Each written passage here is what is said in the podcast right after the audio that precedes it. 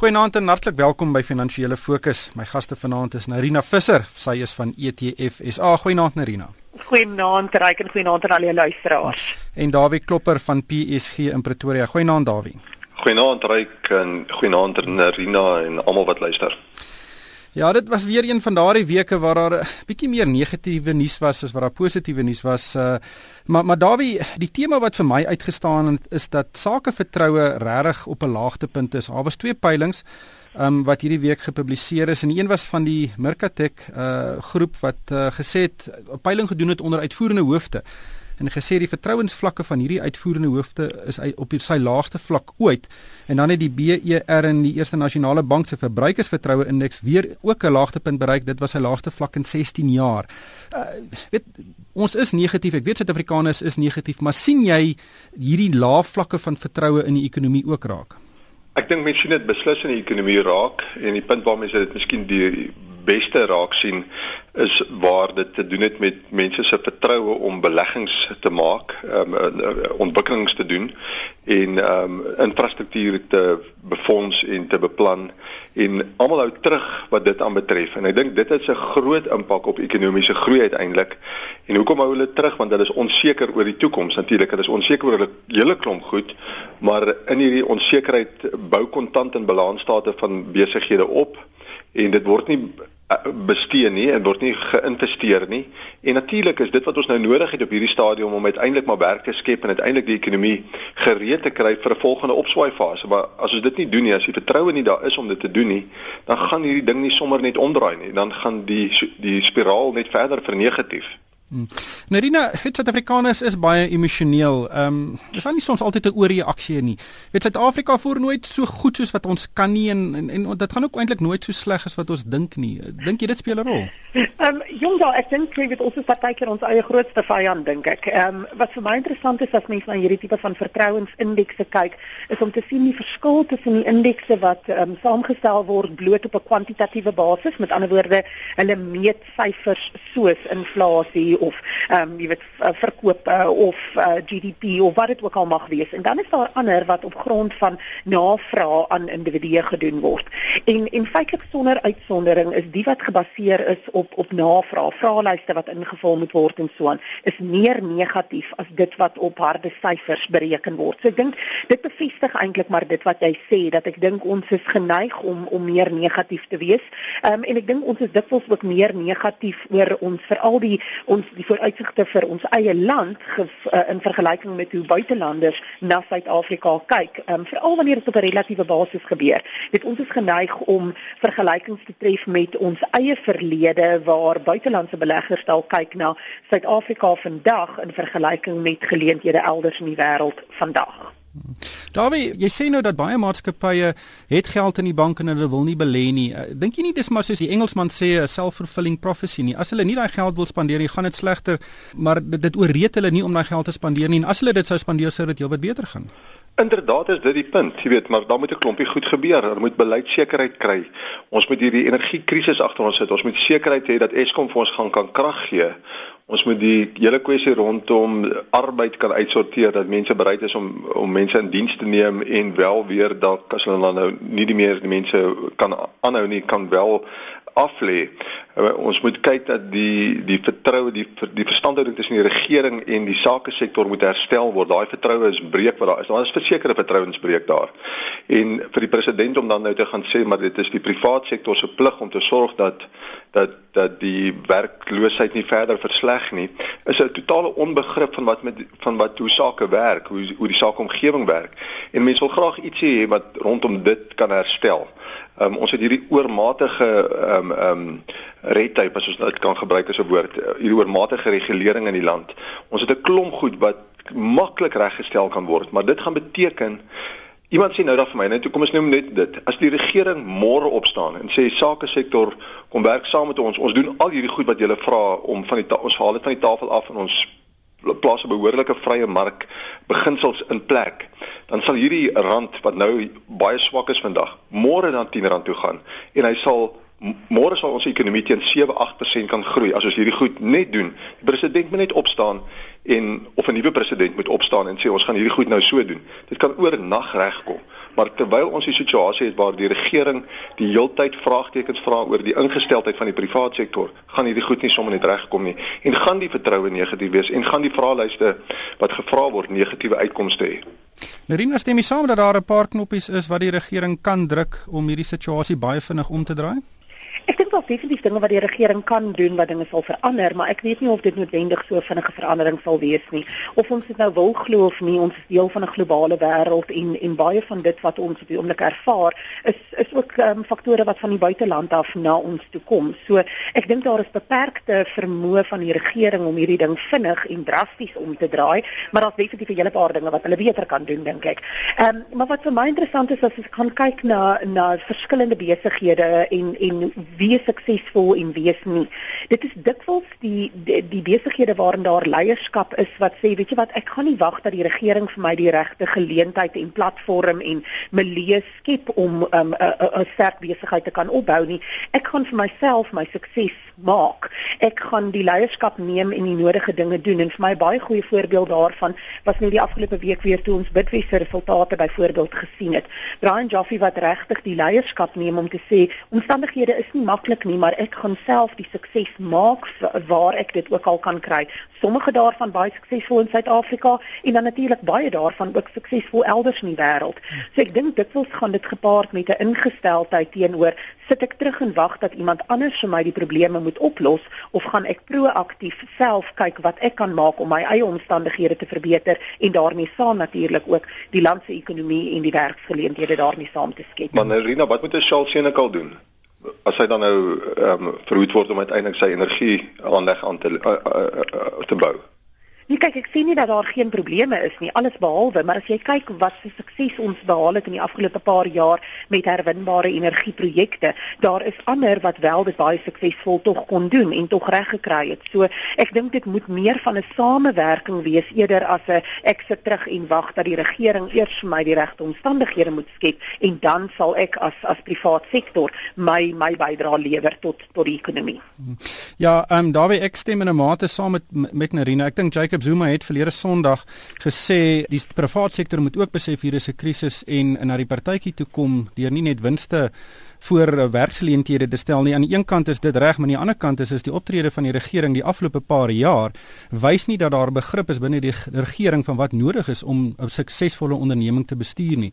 Ehm um, en ek dink dit dit keer terug na wat jy vroeër gesê het is dat daar is 'n geweldige breuk tussen in, in vertroue uh, tussen die private sektor en die regering en daarom uh, gebeur die goed wat moet gebeur nie eintlik baie vinnig nie. Inderdaad, maar kyk nou net wat die bank credit analyst so 2, 3 weke terug gesê het.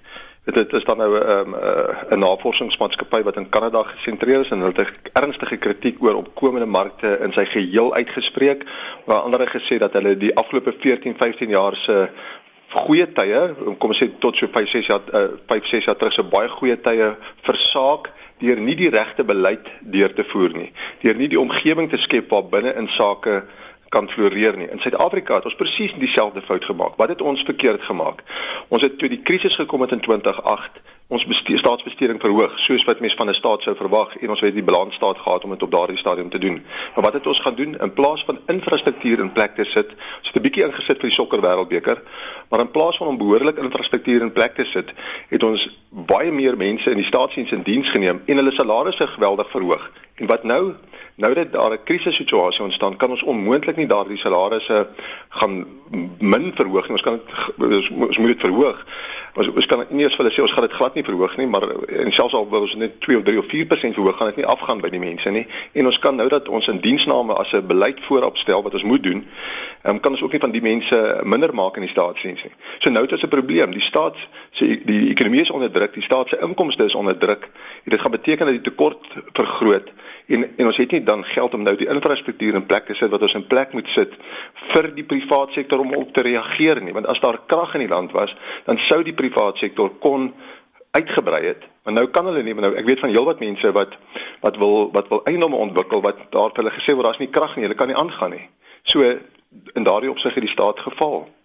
Ja, daar is verseker strukturele probleme. Een ding wat net vir my uitgestaan het van van Jacob Zuma se opmerkings was dat hy dit gemaak het nadat hy 'n halfuur 'n voorbereide toespraak gelees het en op heeltemal die verkeerde platform daai uitlatings gemaak het. Ehm um, as hy so ernstig voel, dink ek moet hy op nasionale televisie kom en vir 'n uur lank 'n debat voer oor die ekonomie Maar uh, ek wil graag aanbeweeg Narina. Ehm um, Moody's het 'n verslag uh, oor Suid-Afrika gepubliseer hierdie week en hy het gesê hy gaan sy kredietgradering van Suid-Afrika handhaaf. Dis natuurlik baie goeie nuus. En hy het gesê dat hy dink nie dat Suid-Afrika vir jaar in 'n resessie gaan verval nie.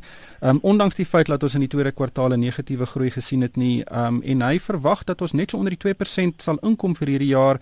Wat sal beteken dat die dat die tweede helfte van die jaar dan bietjie beter gaan wees as die eerste een? Uh, ja, sjoe, ek moet sê ek eh, ek sukkel om saam te stem met die met die siening wat hulle het. Ek is baie dankbaar dat hulle nie Suid-Afrika se kredietgradering gaan gaan verlaag nie want jy het vroeër gepraat van die self-fulfilling prophecy. Dit is nou definitief iets wat ons baie definitief in 'n resessie sal sal indruk as ons 'n krediet um, uh, afgradering kry. Um, ek voel ons is dalk reeds in 'n resessie in Suid-Afrika en um, veral in spesifieke dele van ons ekonomie. Um, ons is baie baie bewus van van wat gebeur in die mynbedryf en die vervaardigingsbedryf Ehm um, daar is definitief droogte, so die landboubedryf is is baie negatief geaffekteer en ons het dit gesien in die in die tweede kwartaal se se se groei syfers. Maar dan 'n ander aspek ook wat ek dink mense dalk 'n bietjie onderskat het, is die impak van die laer ehm um, handelsbalans.